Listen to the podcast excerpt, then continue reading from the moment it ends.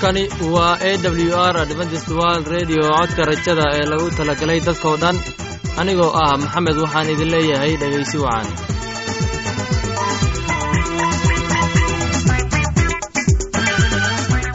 Maanta waxaynu si qaas ah kugu soo dhoweynaynaa barnaamijkan barnaamijkan wuxuu ka kooban yahay laba qaybood. Qaybta koowaad waxaad ku maqli doontaan barnaamijka caafimaadka.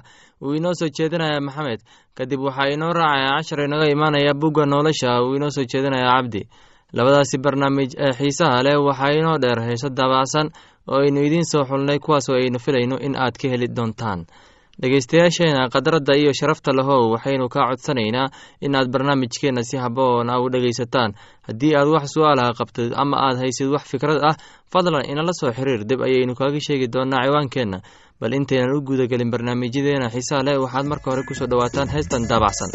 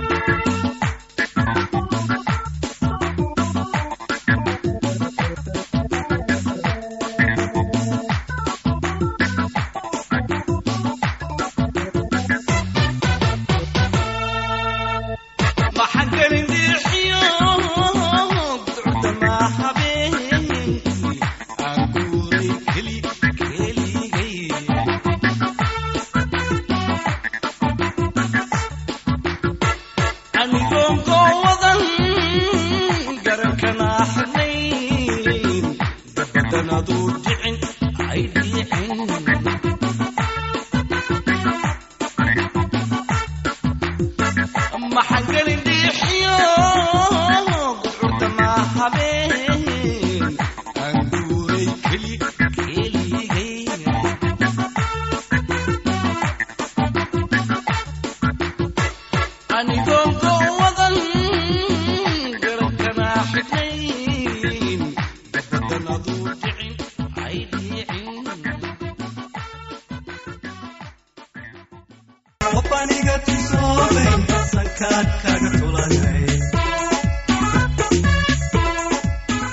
barnaamijka caafimaadka waa mid muhiim ah. Waxaan rajaynayaa inaad ka faa'iidaysan doontaan barnaamijkaasi. Waxaana inoo soo jeedinaya maxamed. Barnaamijka wuxuu ka hadli doonaa kansarka naaska ku dhaca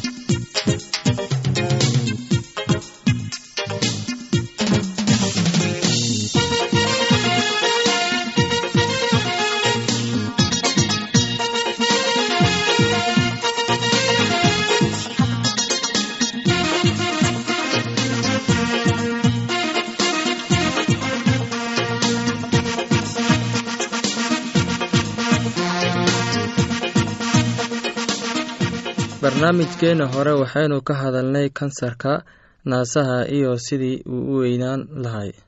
Waxaan kaloo ka hadalnay in kansarka naasuhu uusan ahayn mid qaas u ah dumarku keliya maantana waxaynu ka hadli doonaa heerarka kala duwan ee kansarka. Waxaa jira noocyo badan oo kala duwan uu kansarka naasaha leeyahay. Qaar waa kuwa aad u kora oo aanna la saadaalin karin. Qaarna waa kuwa qabyada ah oo korihaya. Qaar waxaa keena jeermiska jirka ku jira. Natiijada ka soo baxday waxay si aad ah u muujinaysaa marka la xakameeyo kansarka. Waxaa la ogaaday in adiga iyo dhakhtarka aad u mayraysan kartaan iyadoo saldhigga looga dhigayo dabeecadda noocan kansarka naasaha. Kansarka naasaha ee ugu caansan waa mid lagu magacaabo digital conicoma wuxuu bilowdaa kansarka la yidhaahdo cugtas markuu helay cudurka kansarka dhakhtarka ka hadlay nooca uu yahay kansarka iyo haddii uu yahay midka gubda. Tijaabo lagu sameeyey shaybaarka waxaa soo baxday waxyaabaha caawisa dhakhtarka in uu wax badan ka qaado wax ku saabsan kansarka. Tusaale ahaan hormoonyadii laga qabtay tijaabada noocaasi waxay caawinayaan in kala go'aanshada ah. Dhegeystayaal dhakhtarro fara badan ayaa cilmi baarid soo saareen waxayna ogaadeen in kansaradaas oo la daaweyn karo hase yeeshee daaweyntooda oo aan haddeyntan laga salgaarin balse waxaad ogaataan kansarka noocaasi talooyin iyo tusaalooyin fara badan ayaa qofka kansarka qaba loo fidiyaa. Dakhtariinta ku takhasusay cilmi nafsiga ayaa waxay sheegaan in kansarka uu ahay kansar qaas ku ahayn dumarka keliya hase yeeshee uuna ku dhaco ragga ragga ma ixtiraansano kansarka noocaas inuu ku dhici karo balse umana badno kansarada noocaasayta in ay saameeyaan ragga.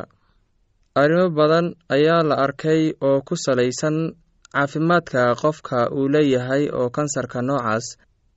Arrimahaasi waxaa ka mid ah walwal walaac iyo cunno xume murugo aan la koobi karin. Dhegeystayaal barnaamijkeenna maanta waa naga intaas waxaan idin leeyahay kulanti wacan sidaas iyo nabadgelyo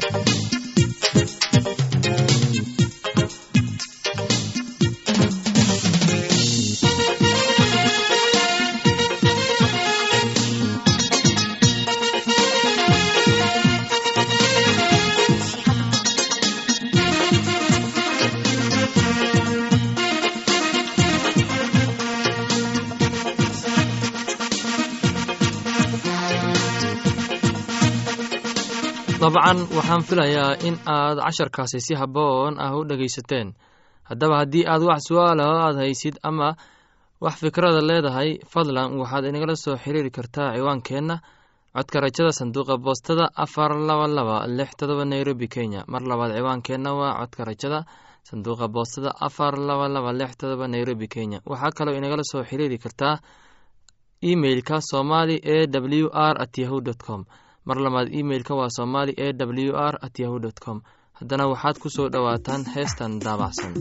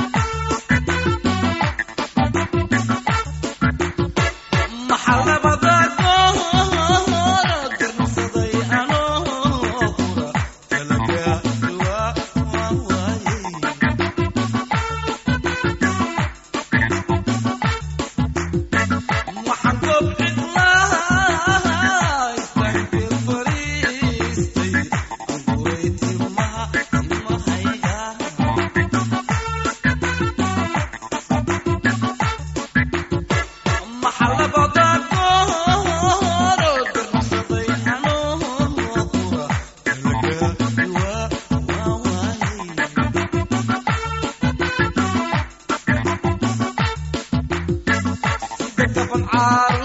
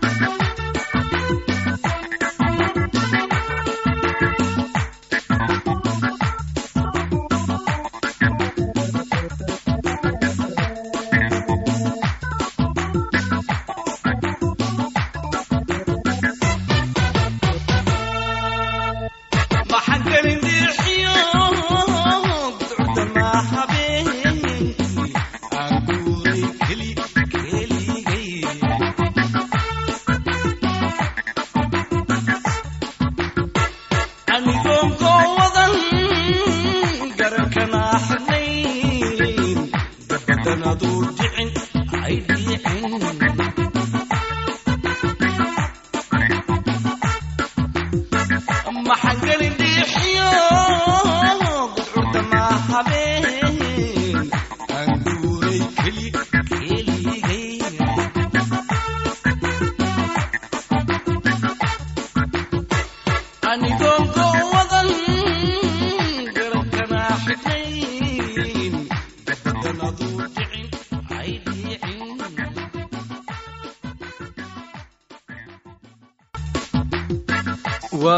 hagaag waxaan filayaa inaad ka hesheen heestaasi oona dhegiina raaciseen haddana waxaad ku soo dhowaataan casharkeena inaga imaanaya bugga nolosha oo ah baibolka casharkeena wuxuu ka hadlayaa rumaynta ereyada rabbiga waxaana inoo soo jeedinayaa cabdi ee dhegeysi wacan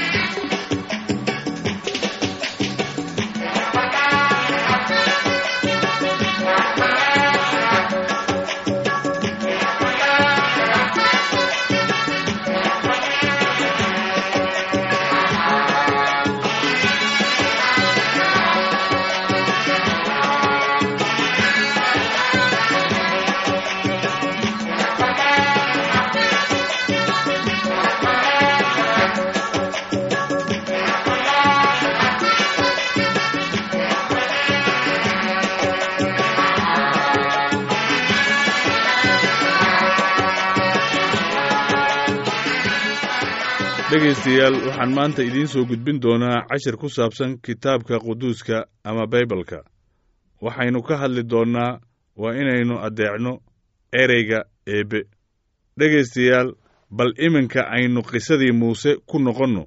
Kadib markii uu helay labadii loox ee maragga ayuu buurtii kala soo degay.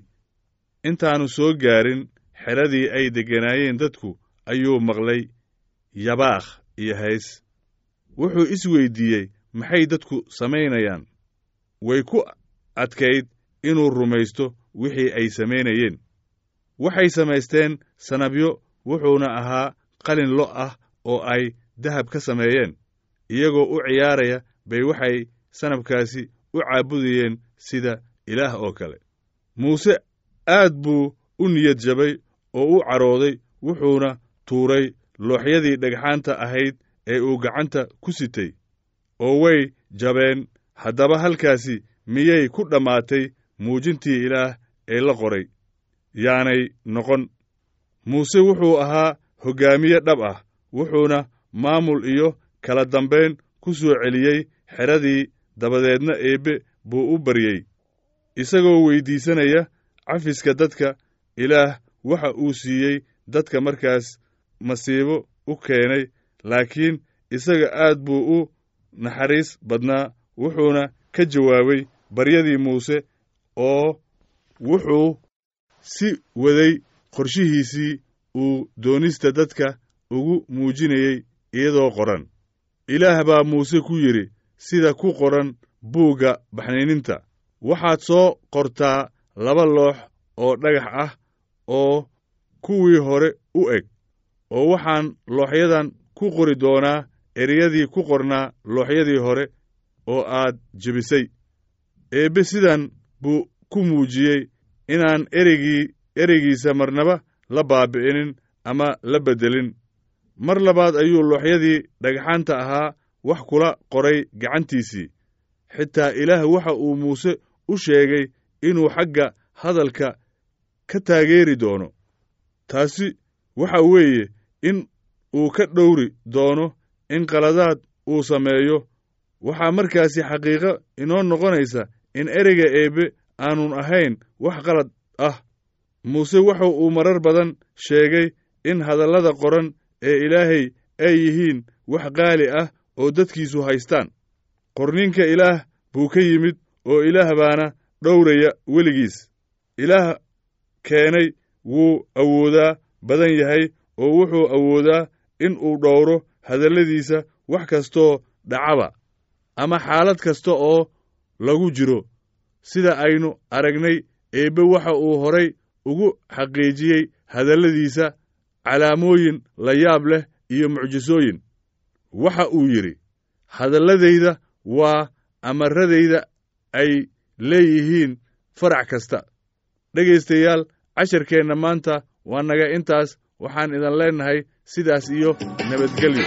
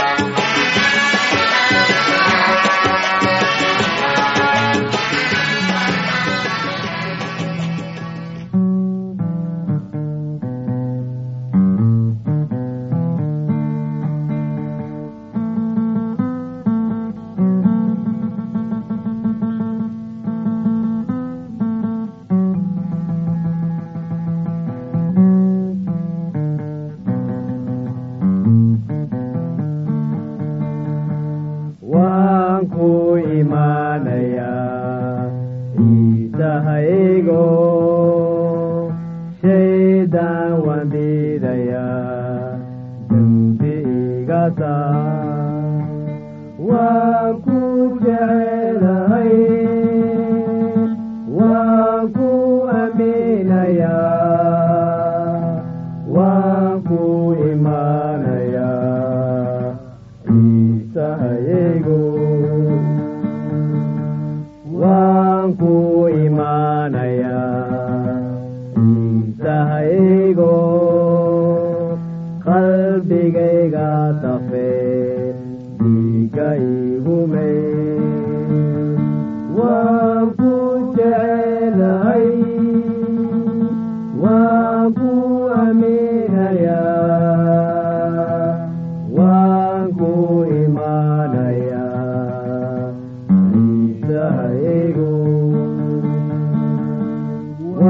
waan ku imaanayaa ciisaigo qalbigayga qado gaagibuu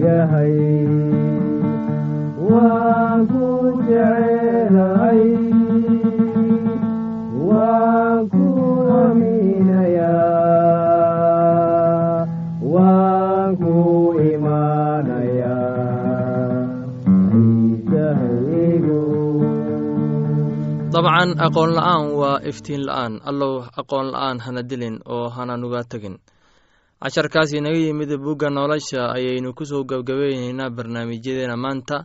Halka aad inagala socotiin waa laanta afka soomaaliga ee codka rajada ee lagu talagalay dadkao dhan haddaba haddii aad doonayso in aad wax ka korsato barnaamijka caafimaadka ama barnaamijka nolosha qoyska ama aad doonayso inaad wax ka barato bugga nolosha oo ah biboleka fadlan inala soo xiriir adoo waraaqaha ku soo hagaajinaya codka rajada sanduuqa boostada afar laba laba lix todoba nairobi kenya mar labaad ciwaankeenna waa codka rajada sanduuqa boostada afar laba laba lix todoba nairobi kenya.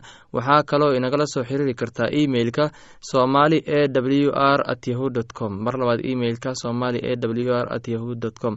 Anigoo ah maxamed intaan mar kale hawada dib ugu kulmayno waxaan idinkaaga tegaynaa heesta soo socota. Sidaas iyo nabadgelyo